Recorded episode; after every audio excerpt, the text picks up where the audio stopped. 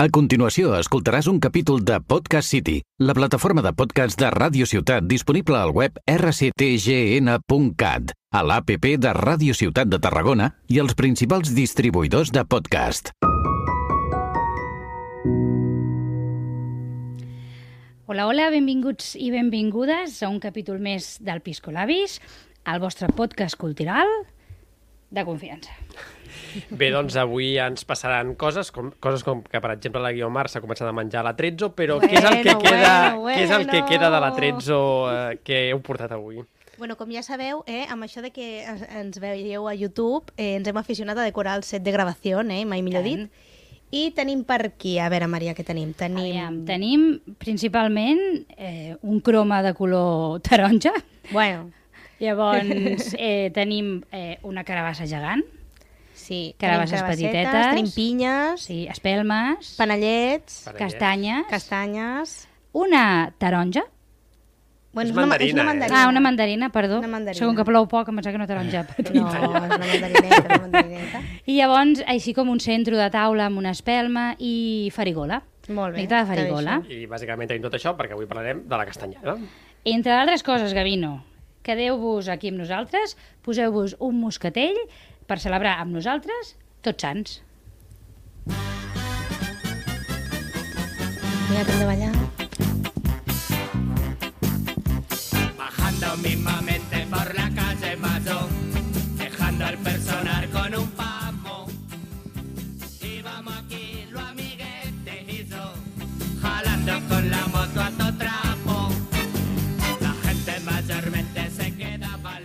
Bueno, ara aquí vindria l'espai en el que parlaríem del el nostre convidat, no?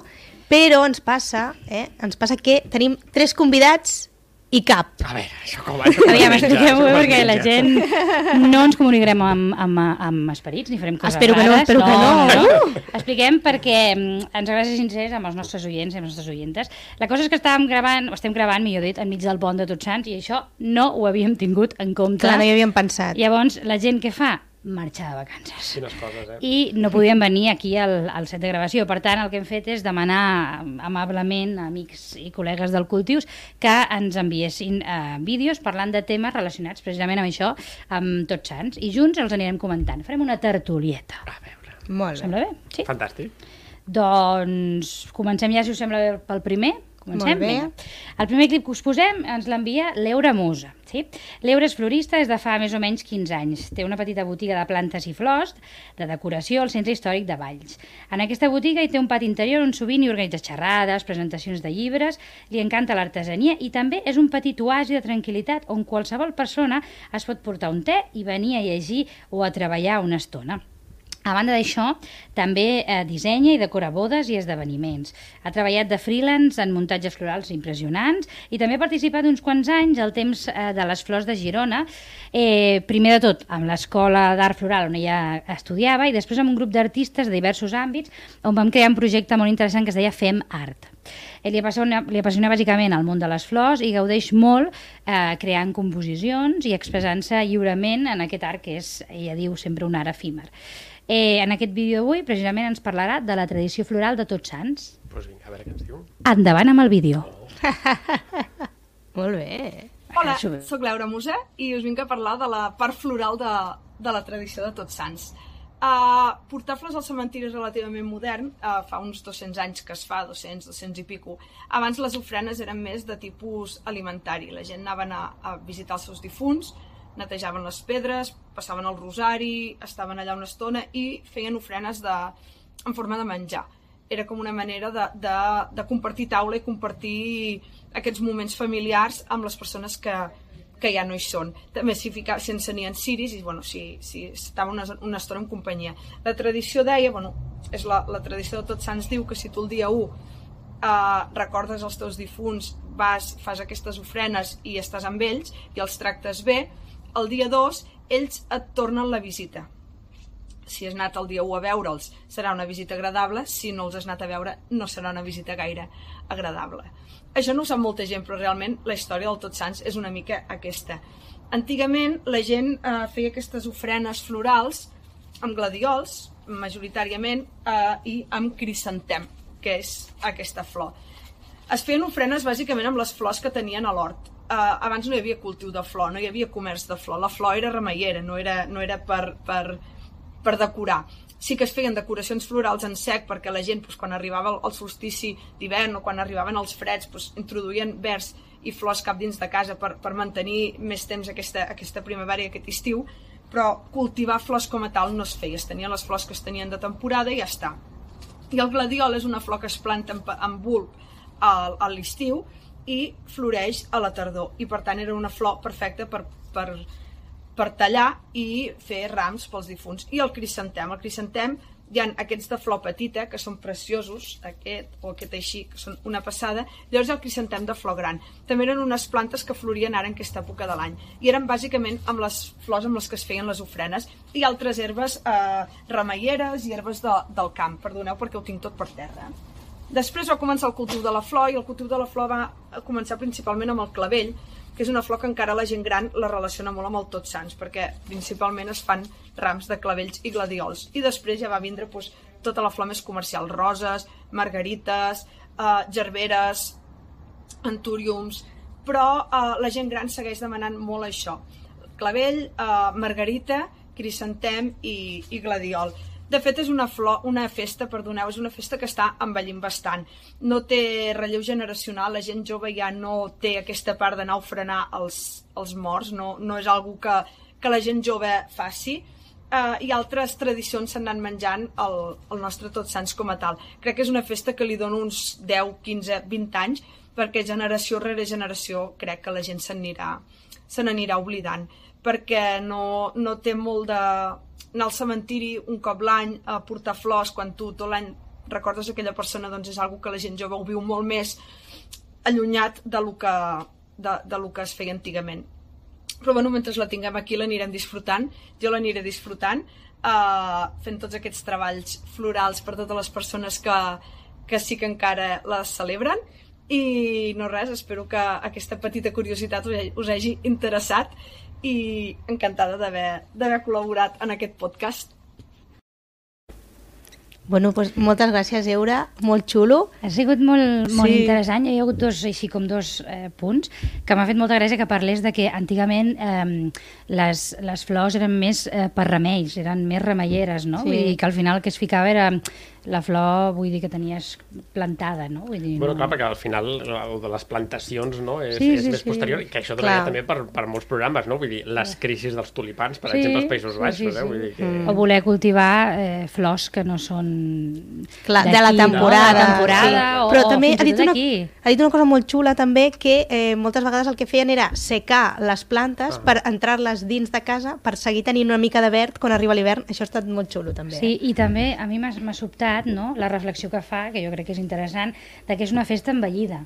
No? Sí. I sí que és veritat, perquè jo, per exemple, recordo molt que els meus avis vivien molt el Tots Sants, com una cosa de Mm. molt important d'anar pues, això, a posar les flors, netejar el cementiri, etc. I ara sí que és veritat que em dóna la sensació que poder sí que està una mica més a la baixa, no? perquè poder, Clar. la gent ho entén diferent. Potser el no? que s'ha de fer és renovar la tradició i buscar uns altres usos per a, que les, per a les flors. Vull dir que no siguin només, vull dir que sigui que puguis fer, per exemple, la tradició de el sopar de Tots Sants, fer un centre floral amb flors. Per exemple, sí, sí, està, Clar, vull dir, és bus buscar uns canviar els usos de la tradició. Interessant.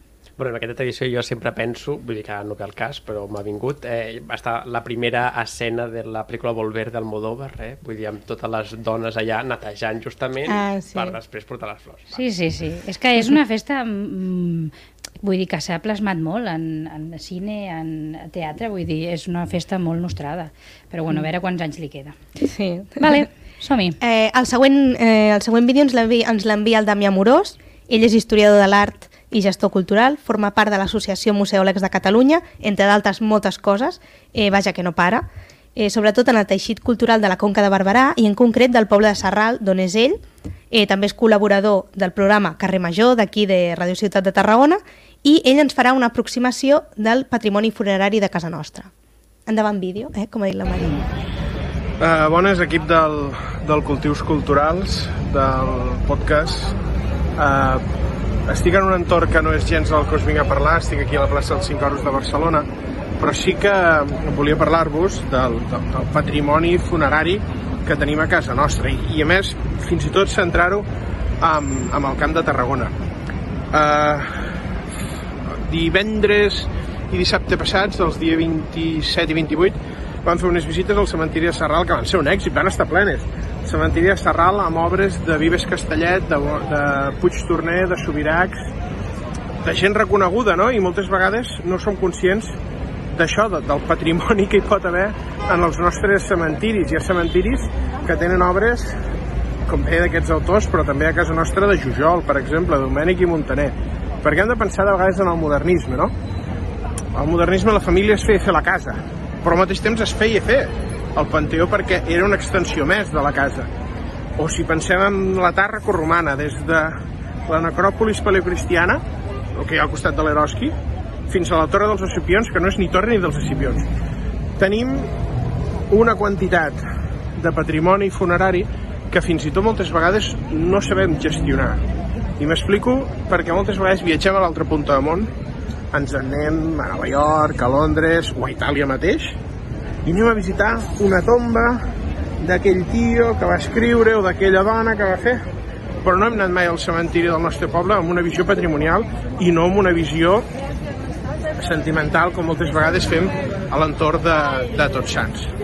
La reflexió és aquesta, que fem un pensament i que descobrim els cementiris de casa nostra, els espais funeraris, amb aquesta visió patrimonial que hi ha, del patrimoni material i del patrimoni immaterial. Moltes gràcies.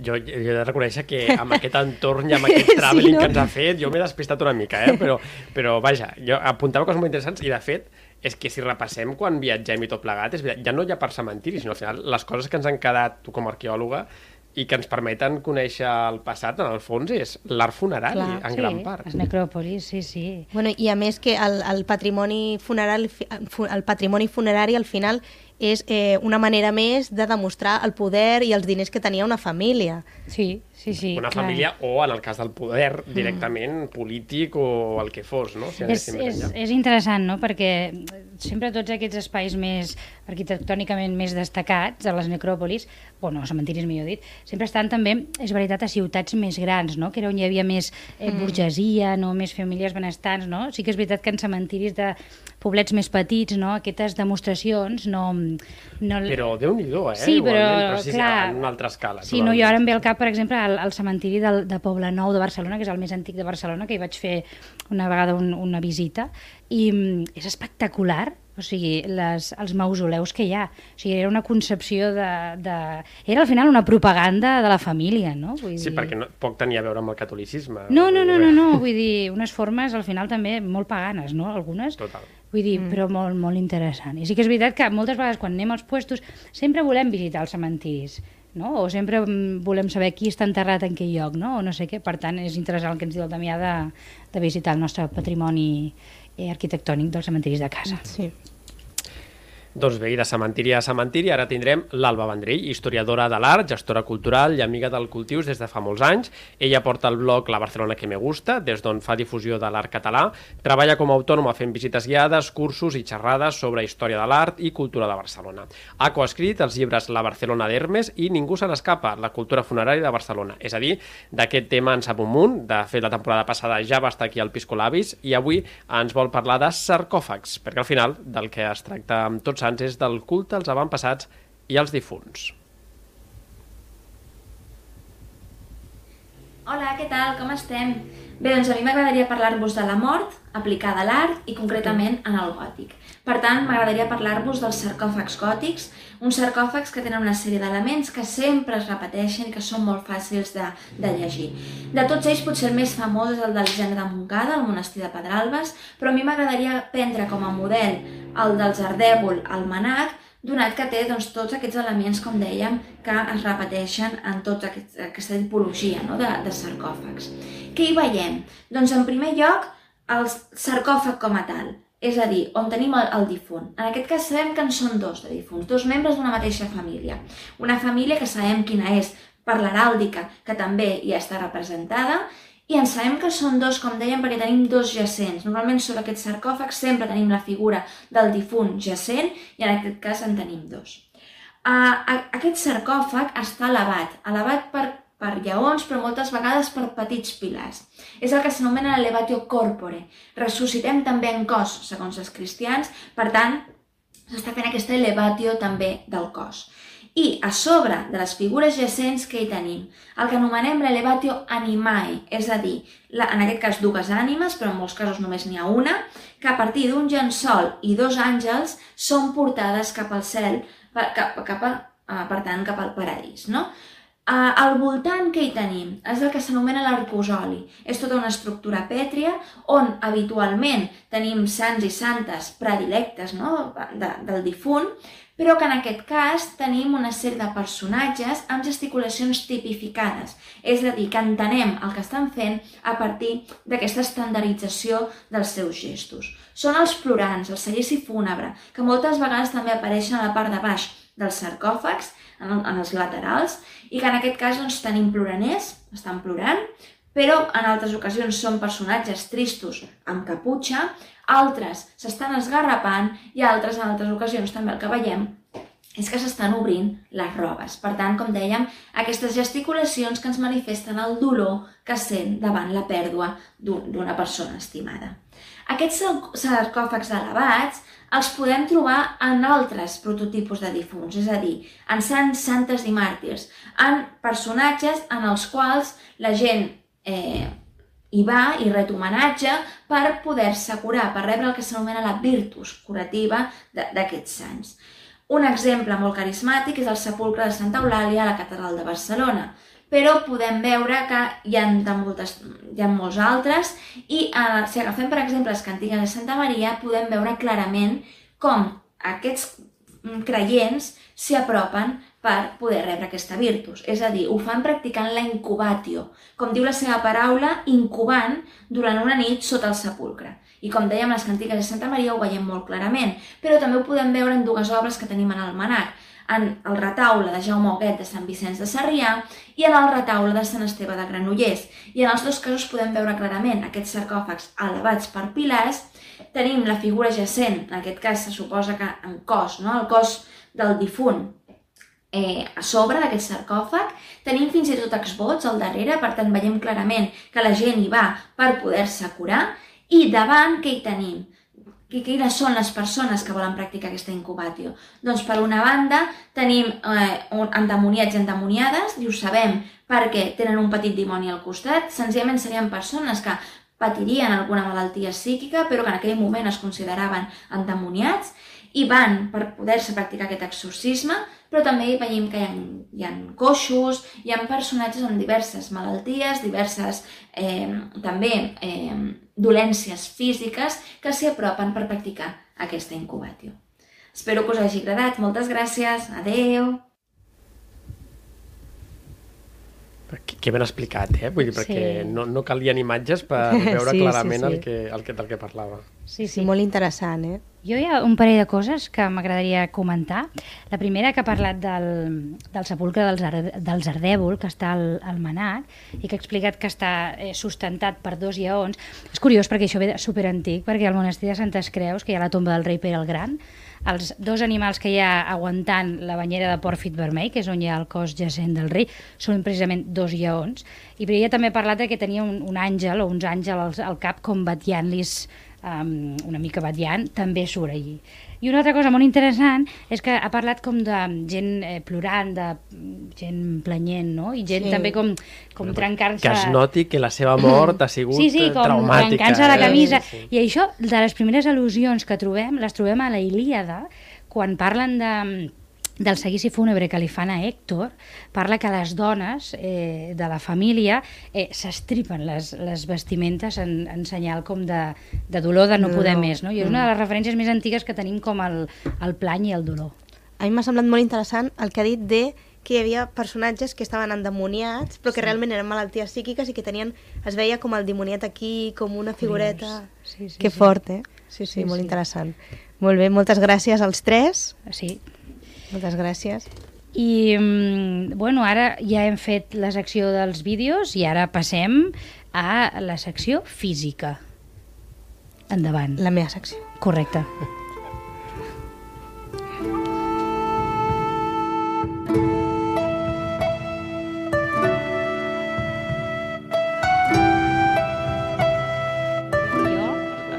Potser surt per aquí un juglar o alguna cosa així, no? Sí, no? Sí, ens ofereix un, una Ai, safata amb menjar. Bueno, amics, eh, m'ha tocat a mi fer la secció d'aquest capítol sobre Tots Sants. No sé per on començar, perquè al final, amb aquest tema de Tots Sants, tenim com un poti-poti al cap. Eh, perquè, aviam, què se celebra?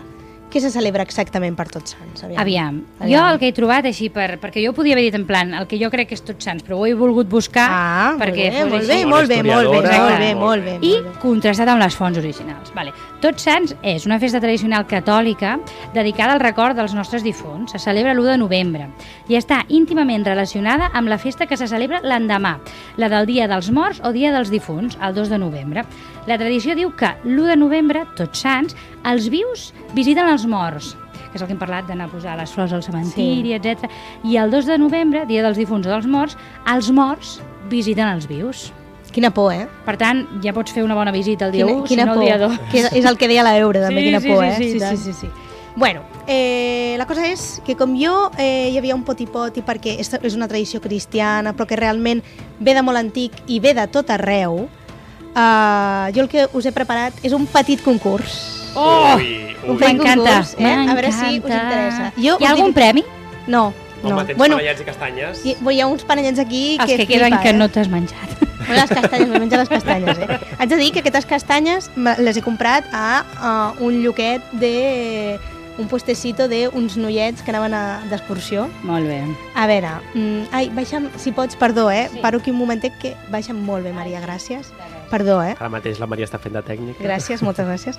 Maria, vale, jo us diré una afirmació i m'heu de dir si és de tradició greco-llatina, eh, és a dir, griegos-romanos, Sí? celta. Sí?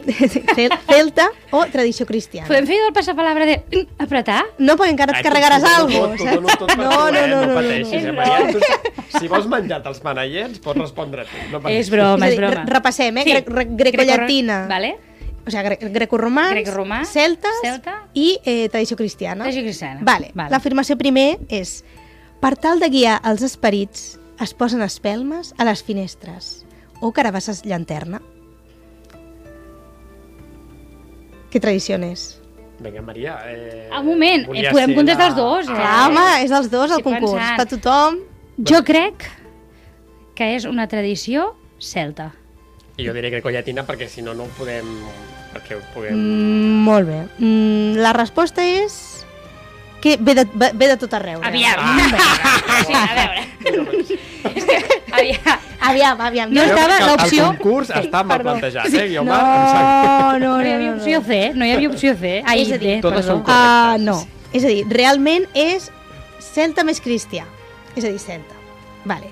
Eh, és a dir, això de les carbasses ens sona molt a Halloween, vale? Mhm. Eh, però el Halloween vindria... Mira, aquí tenim un llibre, eh? Vindria d'aquí, vindria de la tradició celta del Samhain. A tot això haig de dir una cosa molt divertida que em va passar, i és que mentre estàvem eh, intentant que vingués gent al programa, gent, que, intentant que vingués gent al programa, o eh, demanant-li a gent que ens fes uns vídeos, eh, li vam, vam contactar amb una companya nostra, eh, un saludo Nereida, eh?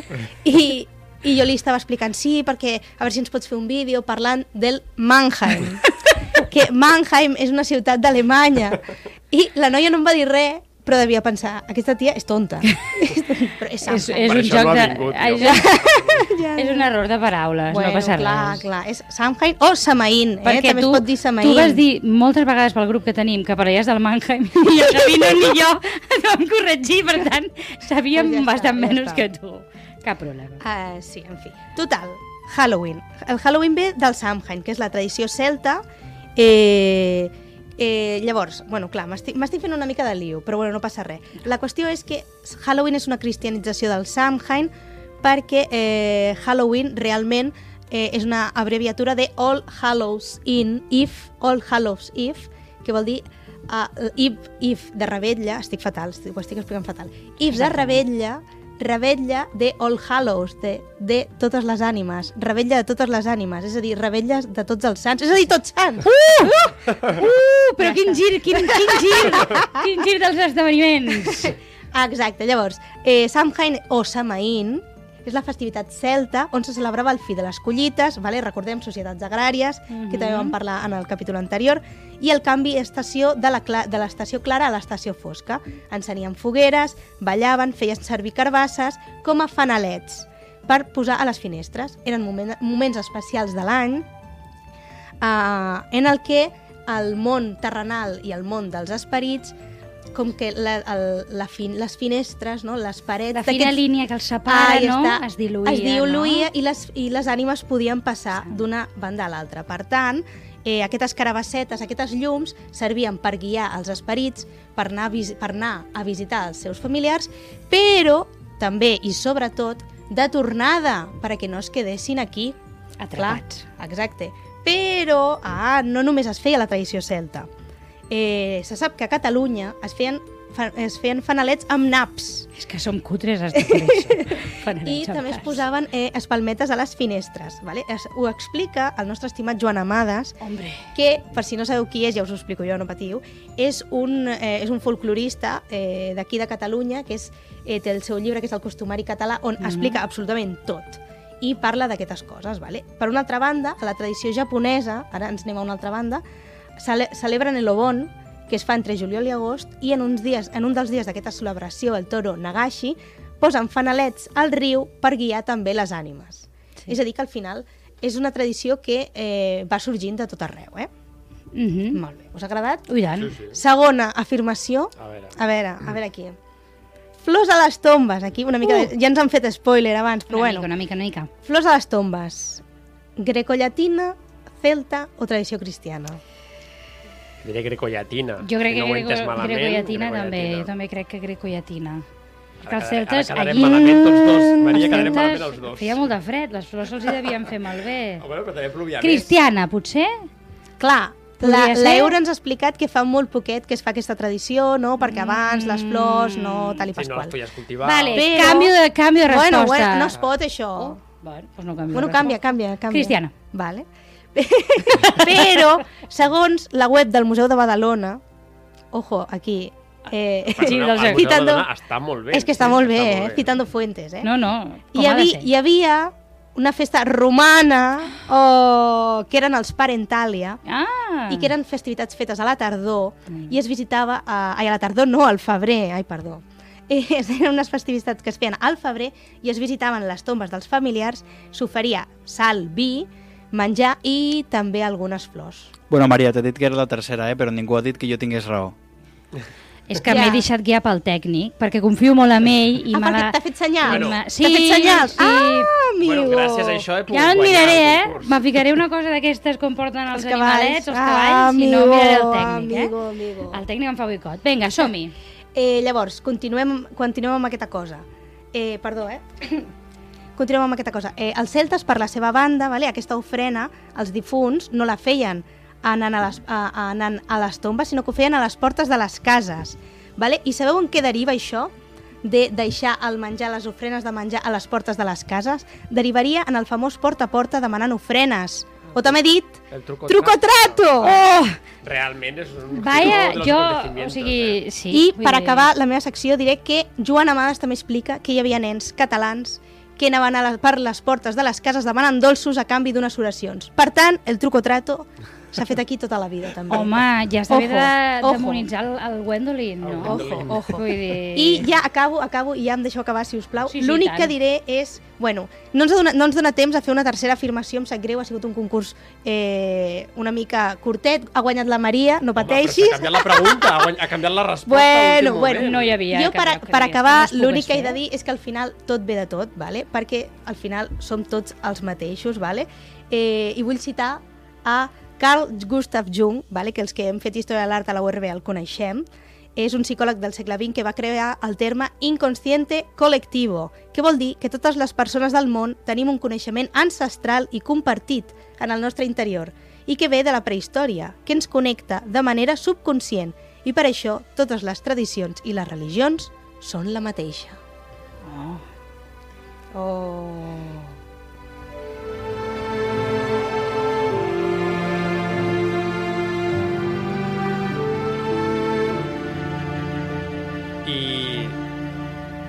I, fins aquí el capítol especial de Tots Sants. L'any passat el vam dedicar a la por i aquest any hem parlat de diferents aspectes relacionats amb Tots Sants, des de la decoració floral fins escultòrica dels cementiris fins l'origen del mateix Tots Sants. Exacte, i per això volem agrair als companys i amics del Cultius, tant a l'Eure, al Damià com a l'Alba, que ens hagin fet arribar aquests clips tan xulos. Recordeu que els podreu escoltar i també veure en directe i, com sempre, volem agrair a Ràdio Ciutat de Tarragona aquest espai que ens ha cedit i en especial al nostre tècnic, el Lluís, eh, que ha dirigit la producció d'avui. Bueno, dirigit. bueno, nosaltres som el Gavino, la Guiomar i la Maria, som l'equip del Cultius Culturals. Ens podeu seguir a Twitter, Instagram, Facebook i al nostre blog cultiusculturals.cat. Fins, Fins la propera. propera!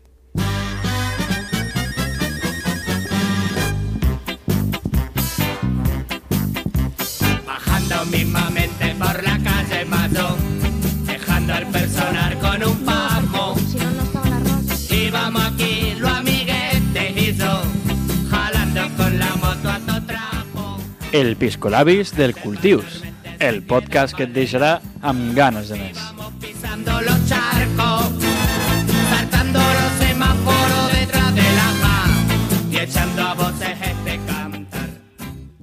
Has escoltat un capítol de Podcast City, la plataforma de podcast de Ràdio Ciutat disponible al web rctgn.cat, a l'APP de Ràdio Ciutat de Tarragona i els principals distribuïdors de podcast.